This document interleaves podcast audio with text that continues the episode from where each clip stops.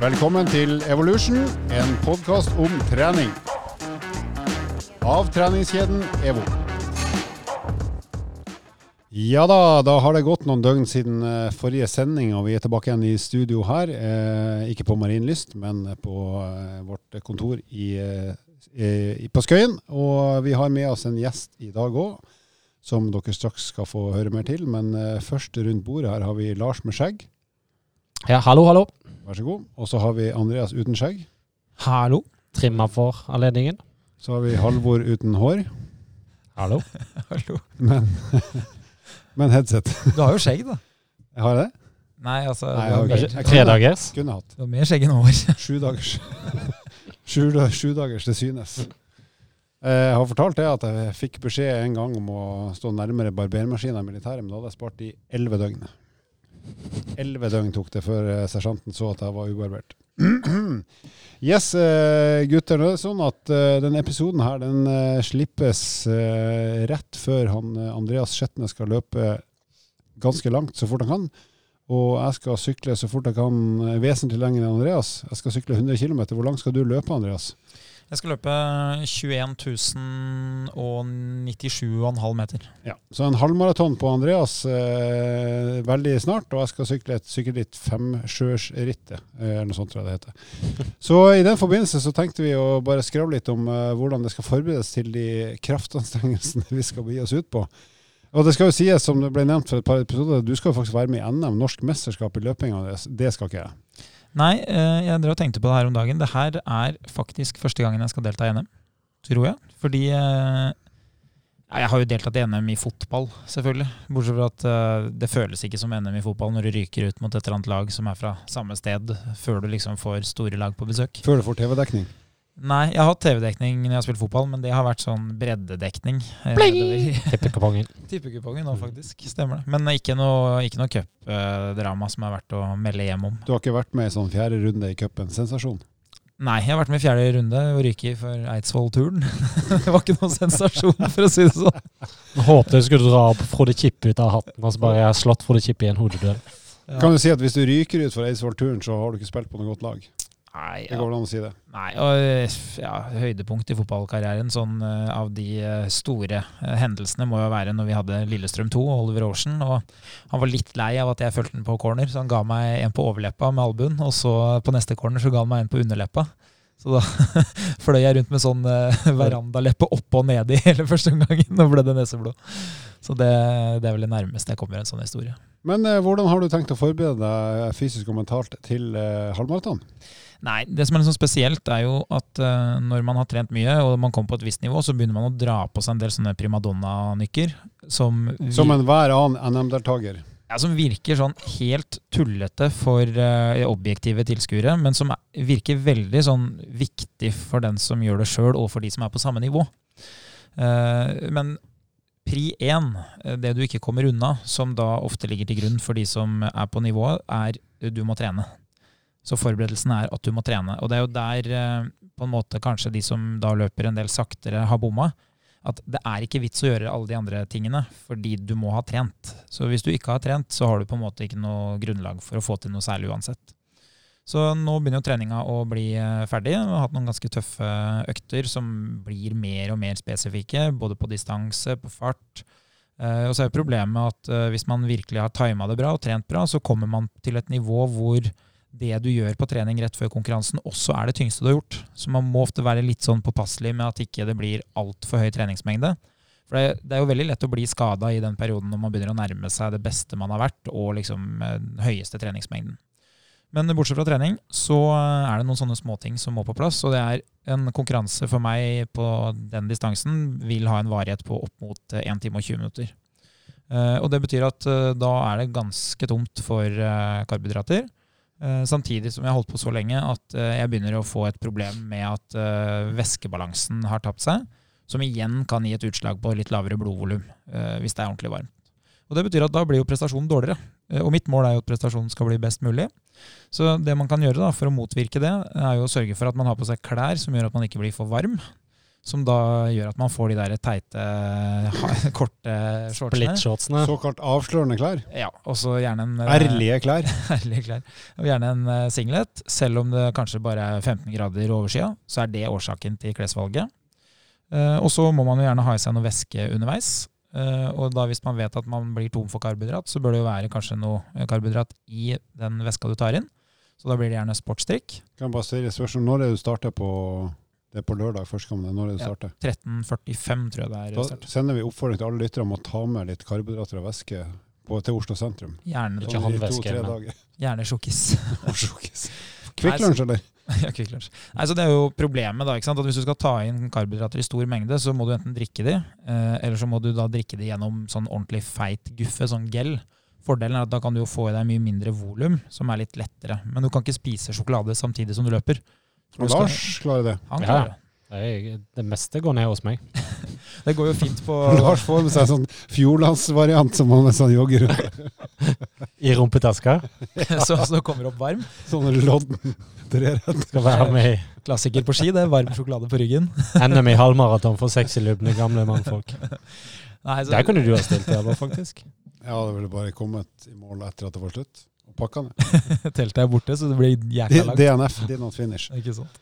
Nei, så, så Derfor så blir det ofte sånn gel, da, ikke sant? fordi det, du skal ha i deg karbohydrater, men du kan ikke drikke en, en halvliter mens du løper, for det, det løpes jo i en fart hvor det, det er litt vanskelig å få i seg væske.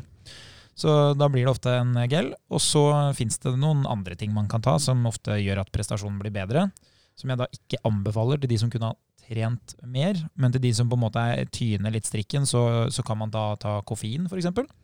Koffein har jo den funksjonen at eh, du blir egentlig ikke så veldig mye bedre, du bare blir bedre til å presse deg. Som gjør at du egentlig maskerer ubehaget. Du blir egentlig kvitte, kvikkere. Ja, du blir litt kvikkere, ikke sant? Også, ikke kokain enda bedre, sånn sett? At du blir enda kvikkere? Det er kanskje ikke lov, det. Jeg ville gjerne at eh, du, får et sånt portrettintervju i VG Helg hvis du er han PT-en som anbefaler kokain som prestasjonsfremmende. Sjokolade og Bare én gang i livet er greit, vel? Nei da, bare stryk det. Stryk det. Sorry, mamma. Sorry. Ikke sant? Fordelen er at du kan kombinere gelen og koffein. Ja, Er det flere og flere som tilbyr, eller tilbyr, som lager? ja, og det er det jeg skal gjøre. Så jeg tar litt koffein før start. For koffein har ofte litt sånn Det tar litt tid før det funker. Det er ikke sånn eh, Da snakker vi tablett, ikke sant?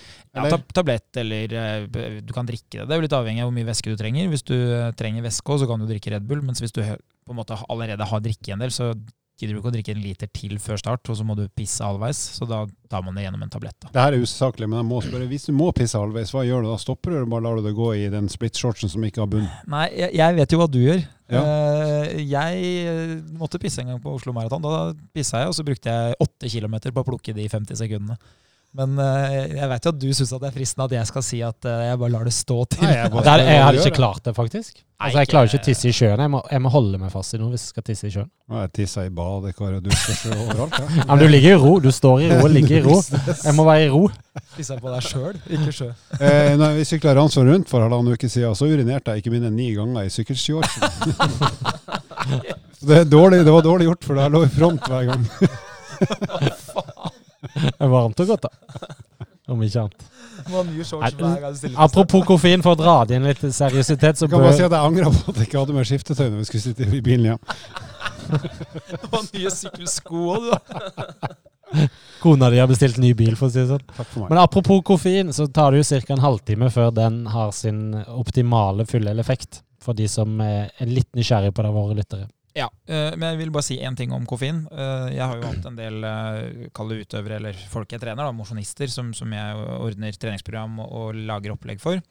Eh, Og det man må ha respekt for når det gjelder koffein, det er at eh, for at det skal ha god effekt når du, når du skal presse deg, så må du ha ganske høy mengde. Så det er liksom ikke sånn en kopp kaffe før start, som mange kan ta, for det er jo veldig fint, du blir litt kvikkere. Men hvis du skal få den effekten av at det liksom maskerer ubehaget, og, og at du virkelig skal få ytelse, så må du ha en del kopper kaffe. Men det som skjer, er jo at du legger jo ikke merke til de smertene som vanligvis er veldig gode sånne signaler for når det er for mye. Så problemet til de som trener mye med eh, koffein, og som ikke har gjort det tidligere, er jo at det er veldig lett å bli skada. Man ender jo opp med å kunne prestere på et høyere nivå enn hva man har gjort tidligere, som igjen påfører en potensiell belastning som du ikke er klar for. Eh, og for min egen del så har det jo også blitt da hyppigere problemer nå med mye bruk av koffein enn det var før. Så det er sånne ting man må ha respekt for. at Hvis man plutselig skal begynne å ta Jeg tror det er fordi du er blitt eldre, Andres. Ja, det kan det kan også hende, Jeg tror ikke du skal skylde alt på koffein. Nei, men det, er, men det er i hvert fall en ting man bør, eh, bør være litt varsom for. I hvert fall hvis man da ikke eh, Altså Hvis man kunne ha løpt fortere, eller sykla fortere, hvis man allerede hadde trent litt mer, så er kanskje ikke koffein det verktøyet jeg ville ha brukt. Det er det vel egentlig svaret nesten uansett, er det ikke? Jo. Kunne vel ha trent litt bedre, Det, det gjelder for alle. basically. Så, så det er på en måte det, er det man gjør før start. Og så er det én ting til, og der kommer det primadonna-greiene inn. da, Og det er at eh, det har jo skjedd vanvittig mye med sko de siste årene. Så nå, Nå, Nå kan du få det i alle mulige farger.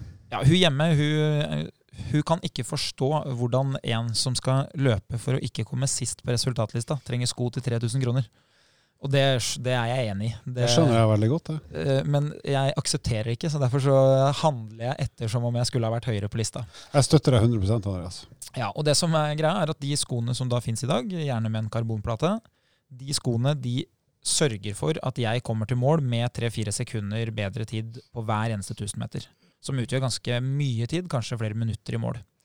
Eh, Så Derfor så bruker man da et par ganske nye sko, og de skoene kan ikke løpe altfor langt heller før du liksom har mista det der toppnivået. Så det man gjør da for å spare de skoene, som er rent økonomisk, det er jo da at man varmer opp i et par andre sko. Og da har vi ramla inn i det som da for de fleste virker helt merkelig. Skal du da varme opp i et par joggesko, og så skal du ha et annet par med joggesko når du skal løpe? Bytter du? Eh, det kommer litt an på. Hvis det regner, så gjør jeg det fordi jeg må være tørr på beina. Hvis du, Du må blir jo våt når du pisser på deg. så- hvis du må på do rett før start, tisser du da med de oppvarmingsskoene eller karbonskoene? Eh, da tisser jeg barfot. Smart. For da, Smart. for da slipper jeg å bli bleit på sokka. Da skal dere få den enkle oppladninga mi. Eh, den er litt mindre eh, hva skal vi si, systematisert. Eh, jeg skal sykle på søndag klokka 12.05. Eh, på lørdag så skal jeg spise pizza Grandiosa, helt standard Grandiosa, klokka 14, klokka 17 og klokka 22. For da vet jeg at jeg er, da har jeg nok energi til dagen etterpå. I flaska der har jeg to literflasker. Der skal jeg ha Red Bull og vann i den ene, og den andre skal ha Red Bull og Red Bull. Så det blir sukker og koffein i den gode flaska som man skal ha de siste fire mila. Det Er det- er hele planen. Er det fordi at koffein også maskerer urin? Jeg tror det. Det lukter iallfall ikke så rart. Det funka for meg på Trondheim-Oslo. Fort så er jeg helt alene i brudd, vet du, for det er ingen som gidder å følge meg, for det er for ubehagelig på mange måter. Da skal vi få eh, smekka inn en lyd, og så er vi i gang med hovedtema.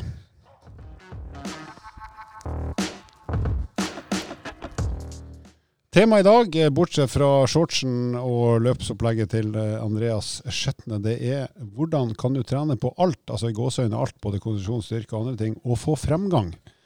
Eh, og med oss for å snakke om det, har vi for en gangs skyld en kompetent person, nemlig eh, Magnus, som også var med oss eh, når vi snakka om crossfit-utøvere. Magnus Haugan, som til daglig jobber på CrossFit Oslo, og som har forska på crossfit-utøvere, er foreleser på Akademiet for personlig trening og har en mastergrad fra Norges idrettshøgskole. Velkommen tilbake, Magnus. Takk. Du ser fortryllende ut også denne gangen. Ja, det storkoser meg nå, altså. Du har samme T-skjorte. Har du vaska den siden sist, eller? Eh, nei, Det er bra. godt. Da Jeg har er, sittet her inne nå egentlig siden forrige gang. jeg var her. det er bra.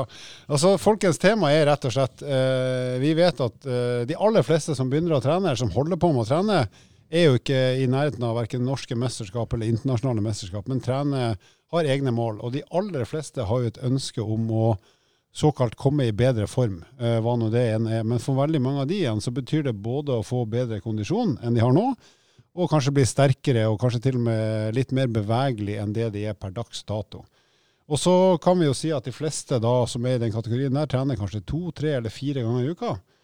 Eh, Så er spørsmålet til oss og dere da, hvordan er det mulig å på en måte forbedre seg litt både på kondisjon og styrke, og hvis det er mulig, hvordan kan man gjøre det på en smart måte ut fra de forutsetningene og den treningsmengden man har? Du som har jobba fryktelig mye med crossfittere, som strengt tatt må prøve å bli utrolig god på så utrolig mye forskjellig, hva, hva tenker du som en sånn der hovedprinsipp, hvis du skal prøve å bli litt bedre på alt? Det første er jo i hvert fall at eh, det er mulig. Det Ja. har vi jo snakka om og sett. Um, men det tar nok litt lengre tid enn hvis du på en måte kun skulle løpt eh, halvmaraton på ja, ryktes det blir sub 1,15, eller hvis du skal ha 180 kilo i knebøy. Som Eh, Andreas har som mål, ja. i tillegg til en- en 15. Ja. Ja, han skulle gjøre det etter, etter halvmaratonet, sa han. Um, men det er absolutt noe som vi ser daglig oppe på CrossFit Oslo, fordi at vi programmerer jo styrke og kondisjon og utholdenhet alt i ett. Uh, Men det viktigste vi eh, har i bunn, det er at helsa må være der for alle. Derfor prioriterer vi kondisjon først, og så supplementerer vi med, med styrke etterpå. Og hvis det er sånn at noen kun kan trene to ganger i uka, da sørger vi for at de får høy intensitet på treninga. Eh, Deretter styrke. Mens hvis de kan trene mer, så er det mer balanse, også mer eh, variasjon da, i treninga deres. Så, Ja, da kan du spesialisere øktene litt mer, rett og slett. Ja. ja. Mm. Men i bunn og grunn så sørger vi for at de må ha i hvert fall høy intensitet to ganger i uka, sånn at helsa er førstepri. ja. Så da får du trent hjertepumpa og det du trenger Ja. for at det er godt nok.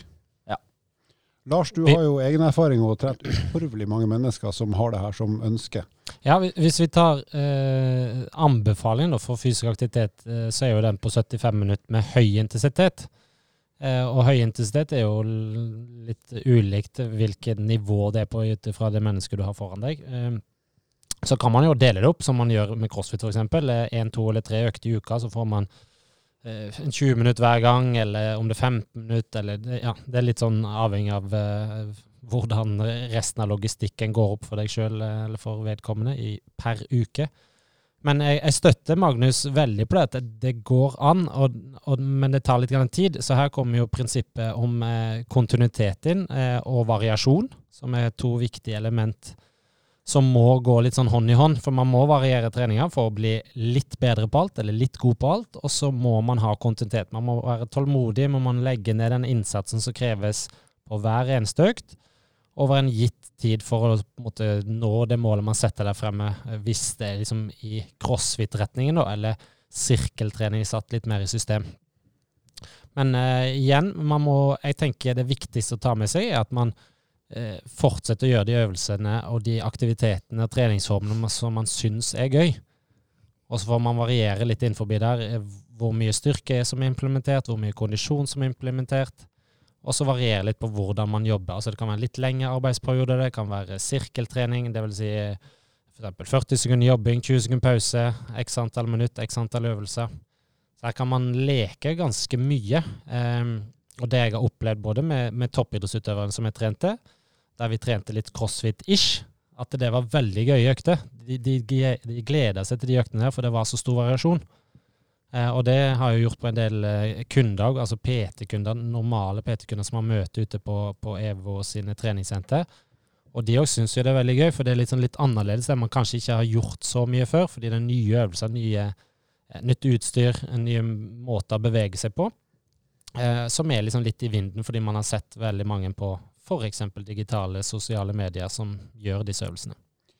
Eh, hvis jeg kan si hvordan jeg vanligvis legger opp ei økt hvis du skal ha alltid samme økta, eh, type en person som kanskje trener to ganger i uka, og det er det det blir, så pleier jeg å ha eh, ei kort oppvarming der jeg også har litt bevegelighetstrening, som kan være noe så banalt som å sette seg på huk, rett og slett for å få mykna opp i ankel og kne og hofteledd. Og så litt avhengig av hva som betyr mest for den personen, da, ut fra sine mål. Er det kondisjonen som betyr mer enn styrke, selv om du vil ha begge deler, så vil jeg velge å gjøre det som betyr mest. og Da er det typisk at vi da tar kondisjonstreninga med relativt høy intensitet, som Magnus var inne på, for å sørge for at den hjertepumpa får jobba godt nok til at den er i minst samme form og kanskje til og med kan utvikle seg. Og så legger jeg inn styrketrening etter det igjen på slutten av økta, og da prioriterer jeg da de store muskelgruppene med øvelser som tar så mye muskelmasse som mulig per bevegelse eller per øvelse, sånn at vi ikke gjør veldig mange isolerte øvelser, men kanskje en type knebøy, markløft, benkpress, eh, nedtrekkvarianter, der du egentlig får trent gjennom kroppen på ganske få øvelser, og dermed begrensa med tid. Så det er typisk min løsning på et menneske som vil ha mest mulig på ei økt eller to økter i uka. Ja, det, som, eh, det som er min erfaring òg, er jo at eh, det som gjør at jeg på en måte er godt rusta til å lage en plan for en annen person, da, når jeg jobber som personlig trener, det er jo at jeg kan forutsi at vi kommer til å få et problem når vi skal trene veldig mye forskjellig, hvis vi ikke har lagd en god plan. Eh, Og det som egentlig skjer, er jo bare at du ender opp med å kanskje skulle gjøre knebøyen tyngre hver eneste gang du trener, for å oppnå et visst resultat. Og så har du valgt å ha intervaller løping i motbakke dagen etter. Og de første tre, fire, fem, seks ukene så går det egentlig ganske greit, men så begynner knebøyøvelsen å bli såpass tung for deg at når du da stiller opp på mølla dagen etter, så er du ganske prega i låra, som gjør at du ikke får opp pulsen før du må gi deg på intervallene, som igjen fører til at du ikke får den kondisjonen som du også ønska. Så det som på en måte er veldig viktig i oppstarten, da, og for da å skape et godt resultat i treningsperioden, er jo at man har planlagt det bra, sånn at man har valgt ut de tingene som er viktige for meg. Og det som jeg ofte gjør da på vegne av mine eh, kunder, er jo at jeg kanskje prioriterer de tingene som er viktige for dem, og så kan vi heller nedvurdere en del av de tingene som ikke er fullt så viktig, og så har vi de på de dagene hvor det er litt sånn Ok, nå vet vi at du kommer til å være sliten av det vi gjorde i går, og så vet vi at vi trenger å være uthvilt til det som kommer i morgen, så derfor så har vi en dag nå hvor vi gjør ting som ikke er så viktig. Og da kan det være sånn, eh, Hvis vi også har et mål om å kanskje gå ned i vekt, så kan det hende at vi har en eller annen lang aktivitet som ikke skal være så tung. F.eks. gå to timer, sykle en og en halv time. Altså gjøre et eller annet som vi vet at ikke kommer til å ende opp med sånn veldig spesifikk belastning, men som har den varigheten. Det er jo den planlegginga som ofte skaper det gode resultatet for de som vil gjøre veldig mye forskjellig da, i løpet av en uke. Vi må jo nevne målsetting. Det er vel egentlig ingen av oss som har nevnt det ennå. Um, og alt, start, alt starter der. Uh, og deretter kommer da på en måte kontinuiteten som du, du var inne på, Lars. At uh, altså, du setter ikke målsetning fire uker frem i tid eller to uker frem i tid, men kanskje tolv eller mer, og så jobber du med den kontinuiteten som, som du var inne på.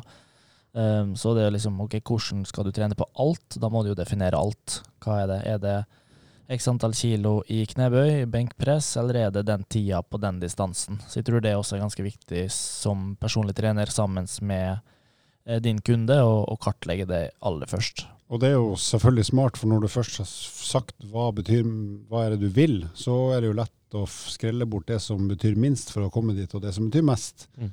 Og velge å bruke tid på det som gir deg mest effekt i forhold til å komme deg dit du vil, uten at det skal gå på bekostning av at det skal være ålreit å trene. Men altså, hvis du skal bli, har lyst til å bli god til å løpe de neste tre månedene, så er det jo smart å legge inn løpetrening i det treningsopplegget, ellers så kommer det neppe til å skje. Og vice versa, skal du bli god i benkpress, så må du prioritere litt tid på, på den spesifikke øvelsen og gi belastning som gjør at du faktisk kommer mot det målet. Så det er, sant, Finn ut hva du vil, og hva er det deretter som betyr mest for å komme i den retninga du har lyst til å komme til. Jeg skal supplere litt i forhold til det her med kondisjonstrening. Da, for det er jo ofte sånn at man har en eller annen favorittaktivitet, eller en aktivitet som ofte sverger til. Andreas løper mye, ikke sant? han liker det, og Lars liker for så vidt å løpe. og Jeg vet ikke om det er Magnus, hva velger du hvis du må trene kondis? Hvis du må trene kondis? Jeg hadde jo 2000 meter, akkumulerte 2000 meter løping i dag tidlig, da, så det sier meg fornøyd med det i dag. Du gikk gjennom mange lyskryss?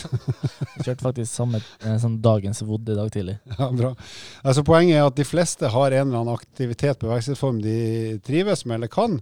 Og så blir det ofte det hver gang. Eh, så mitt eh, tips til, eh, til de som har lyst til å trene alt, men samtidig kanskje ikke skal gå seg helt blind på å gjøre det samme hver gang, da, altså bortsett fra å variere intensitet og varighet, så er det kanskje å lære seg flere og flere bevegelsesformer som du kan bruke i kondisjonstrening. For vi vet at i styrke så er de fleste flinke til å gjøre mye forskjellig. Det er få som kommer inn og bare trener benkpress tre kvarter og går igjen. Altså Man gjør mye annet enn én øvelse. Eh, så det å være litt nysgjerrig på kanskje skal jeg prøve å bli litt bedre til å sykle, sånn at det kan funke som en treningsform, eller kanskje jeg skal bruke en stakemaskin og øve meg på den, sånn at det faktisk kan bli ikke bare en eh, tidsbruk, men noe der du faktisk får igjen en treningseffekt, så at du begynner å bli ganske god til å gjøre det. Eller romaskin eller ellipsemaskin. Men det å prøve å finne flere kondisjonsaktiviteter som du kan bruke i treninga når du egentlig vil bli litt bedre på det meste, så, så vil nok det gjøre at det blir triveligere. og kunne variere med mer enn bare å løpe f.eks., eller jogge eller gå, hvis det er det du i utgangspunktet kan. Da blir du mer fleksibel også, og kan gjøre treningene dine litt mer variert enn å bare gjenta det samme nesten hver gang.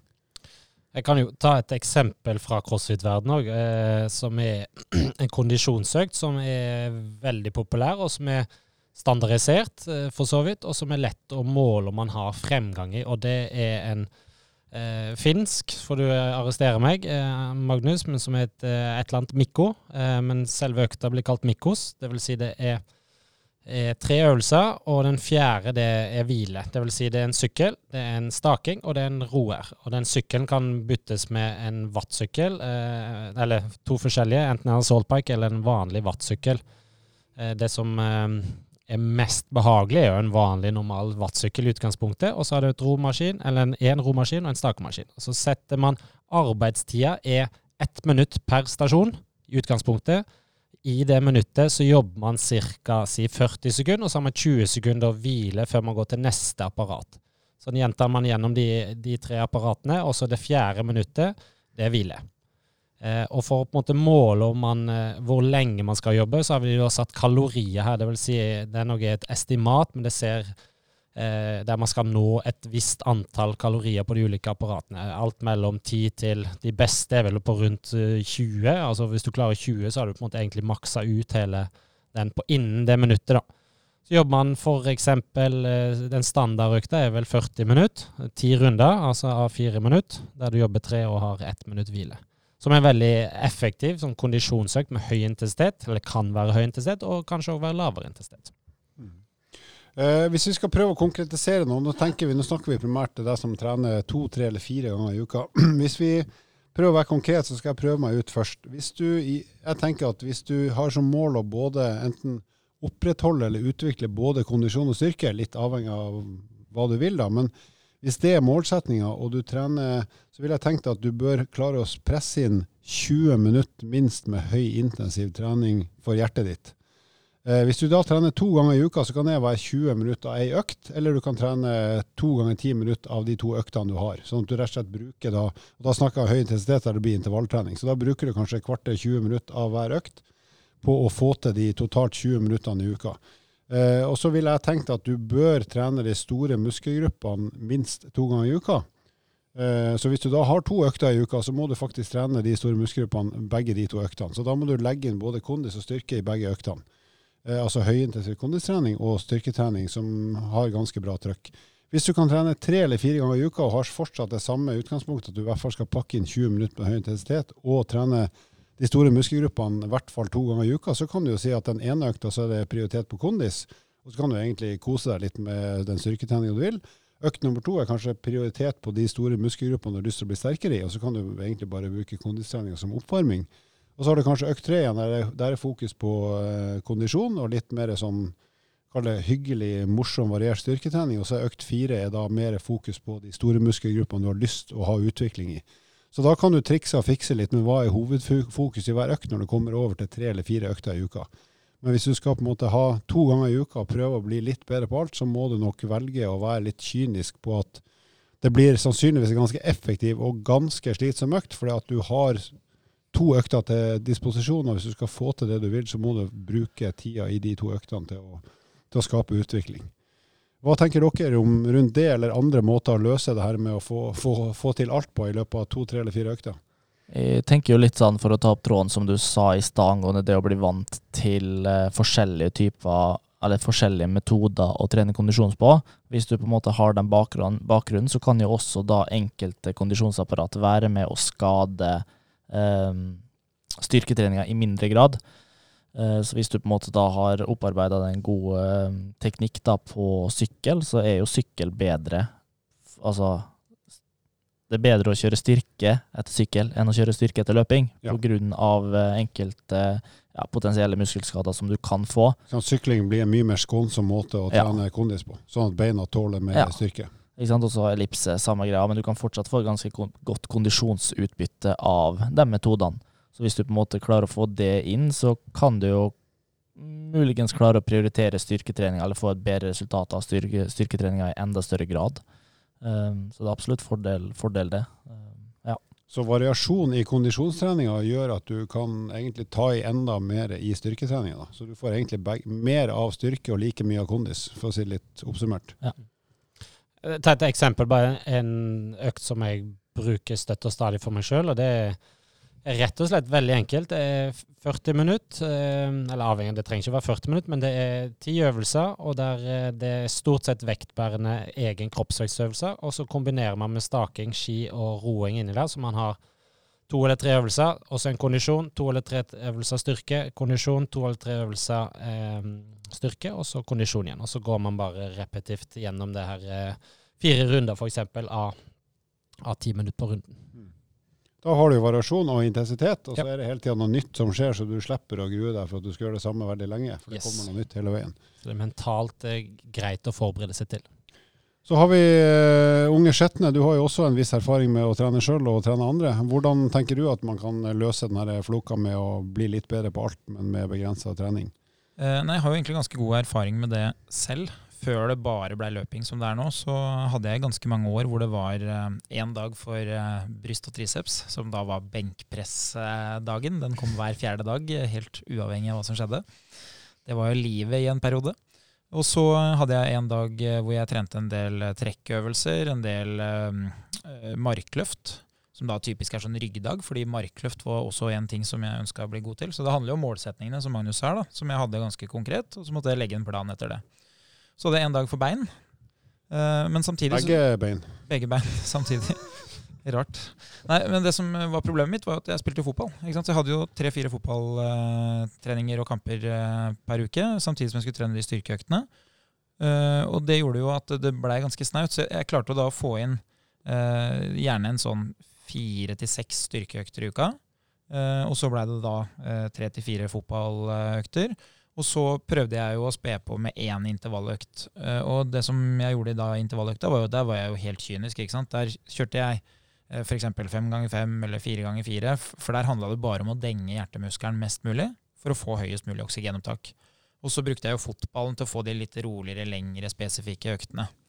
Uh, og det fungerte jo veldig bra, men det som ofte blir et problem etter hvert, er jo at blir du bedre i styrkeøvelsene, så krever de at du er uthvilt det er utrolig vanskelig å bli bedre i knebøy hvis du møter opp og er utslitt. Eh, og det at du er utslitt, kan jo komme fra at du har løpt mye. Det trenger jo ikke å komme fra at du har trent styrke. Så etter hvert så så jeg jo at uh, i perioder så kunne liksom knebøyen gå fremover, så kunne den stå litt stille, men da kunne det fort være at benkpressen gikk fremover. Men det er jo kontinuiteten som har skapt resultatet. For det som skjer, da, selv om det står litt stille, så vil jeg jo alltid være på et høyt nivå når det plutselig kom perioder hvor det var lettere å få til god treningseffekt. Så det viktigste for at man skal kunne komme seg til et godt resultat, er jo at man i hvert fall opprettholder treninga. At ikke det er den som blir fraværende. Det er bedre med litt sånn fraværende utvikling enn fravær i treningsøkter. For da får du i hvert fall lov å være på det nivået som du har vært. Det er bedre med skolefravær enn treningsfravær. Ja. Bra. Da setter vi over til lyd.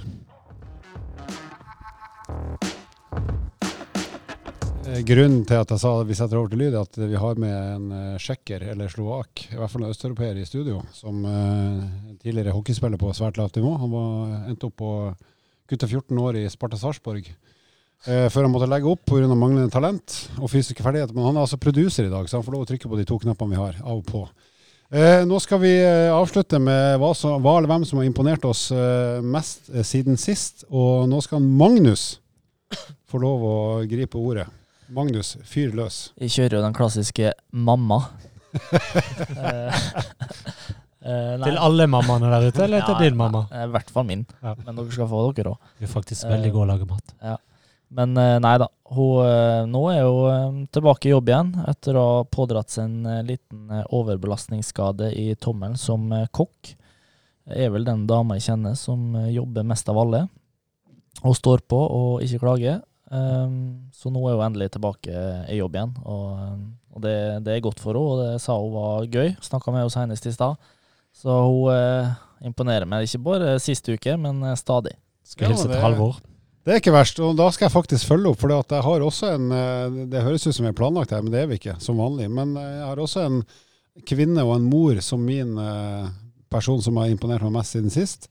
Og det er jo Karo. Og det er da ikke samboeren min, men samboeren til Andreas som har eh, tatt det katastrofale valget å få barn sammen med Andreas, eh, og som står i det med hud og hår, i hvert fall enn så lenge. Det har jo gått flere måneder siden miraklet skjedde. Så eh, Karo, det her er til deg. Eh, siden Andreas ikke får lov til å, å gi deg kred eh, sjøl, så uh, sier jeg at jeg er imponert over at ikke at du har blitt mor, for det er det mange som har klart, men at du har klart det med Andreas, og foreløpig ser ut til å gå ganske bra.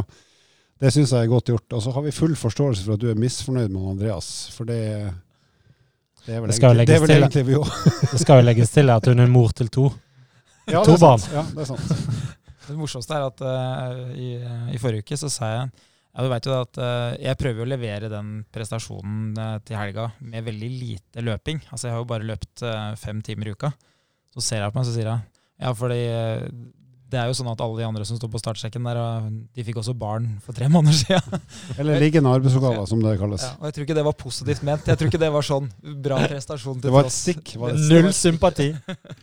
ok, Lars. Hvem har imponert deg mest siden sist? Eller hva, eventuelt?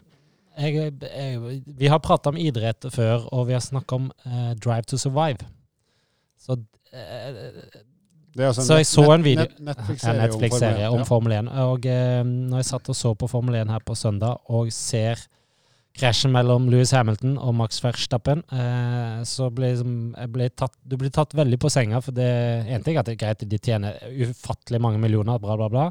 Men det de utsetter seg for, eller kan potensielt utsette seg for, når du ser den Formel 1-bilen over hodet på Louis Hamilton i over 200 km, nesten 300 km i timen, det er for meg bare helt sinnssykt hvilke krefter som er i spill. Men eh, de imponerer meg i forhold til å faktisk eh, prestere i sin idrett. De har guts, De har det.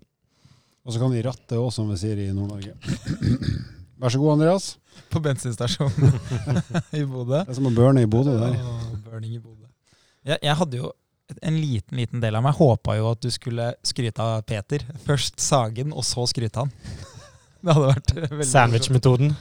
Jeg har ikke går ikke an å skryte av Peter, dessverre. Altså, Nei. da er det lydmannen. Nei, for det, det som jeg har lagt merke til, er jo at grunnen til at du rakker ned, er jo fordi at hvis du hadde fått lov å valgt på nytt, så hadde du jo valgt et utseende som Peter, hvor du hadde sett god ut, og så hadde du sluppet å gjort så mye. Ja, han tror han slipper unna med det resten av livet, men han kommer jo til å begynne å rakne allerede før jul.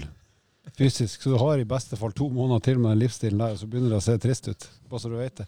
Jeg skal, Og, stø jeg skal støtte deg, Peter, for du er ganske god i crossfit, faktisk. og han har- har begynt å gå med caps før fylte 30 år. Det er også et svakhetstegn. Jeg har en plan til vinteren, og det er at jeg skal begynne å sette opp konkurranser som sakte, men sikkert skal snike seg inn på Halvor sine gode sider, hvor eh, dere to skal konkurrere. Kanskje det skal bli en egen serie til vinteren. Halvor mot Peter. Ja, staking, roing, sykling, løping. Ja, Det blir jo veldig korte distanser, da. Ja, ja, altså det er vel uh, Kapasiteten av Peter er vel uh, opp mot 20 sekunder hvis han får en moderat start. Så det blir kort, ja. Så det blir jo da konkurranser hvor det blir ditt fravær i kraftutvikling mot Peters kraftutvikling uten Hvis jeg får lov av flying start et par minutter før, så kan jeg få komme opp i maksfart i løpet av de 20. Ikke sant? Ja. Nei, siste. Hvem har import, uh, imponert oss mest? Uh, og det er jo bare jeg igjen. Så det jeg tenkte jeg skulle gjøre da, var faktisk å, å eh, trekke fram noe som imponerer meg ordentlig. Og det er jo nå vi eh, ser da resultatene fra de to siste podkastepisodene. Og det er jo sånn at vi, vi lager jo det her for å hjelpe folk til å lykkes med trening. Nå har vi jo da gått i gang med tredje sesong. Og det som overrasker meg, er at det finnes så mange mennesker som har lyst til å høre på det bablet som vi serverer, og som da òg gir tilbakemelding om at de syns at det er bra. Så eh, det første er jo da antall lyttere. At det er, det er faktisk flere tusen som hører hver episode. Det syns jeg er ganske imponerende. Det er veldig hyggelig. Ja, det er, det er jo det. Mm. Eh, og så at, at de viser et form for engasjement. Det er jo ikke bare det at de lytter på at vi ser i eh, en logg at her har det blitt lyttet. Men de sender jo da spørsmål, de gir tilbakemeldinger. Overraskende nok så er jo de tilbakemeldingene også positive, som er eh, veldig trivelig da, for oss. Eh, men det som kanskje er aller mest imponerende, og det som faktisk får oss til å liksom virkelig føle motivasjon, da, det er jo når vi òg får tilbakemeldinger om at folk skaper prestasjoner på bakgrunn av den kunnskapen som de henter i podkasten. Så det viser jo at en del av de tipsene som vi gir, og som vi prøver da å, å gi på et veldig enkelt eh, nivå, de er jo mulig å bruke for å skape prestasjoner. Så det, det er faktisk noe som imponerer meg, at, eh, at den kunnskapen som vi ønsker så gjerne at skal være anvendelig, den fungerer faktisk. Ja, det kan vi bare tilslutte meg. Vi syns det er utrolig hyggelig at mange vil høre på oss, og så setter vi veldig pris på tilbakemeldinger og forslag. Så vi kan si at vi har fått forslag om overtrening, så det er faktisk en sak vi skal ha i en episode om ikke så lenge. Så det er bare å sende inn eh, Overtenning. overtenning og overtrening henger ofte tett sammen. Så det er bare å sende inn, folkens. Da skal Andreas si sayonara, så kommer det lyd, og så er vi ferdige for nå. Sayonara. Vil du vite mer om trening? Abonner på podkasten, og sjekk ut vårt treningsmagasin på evo.no.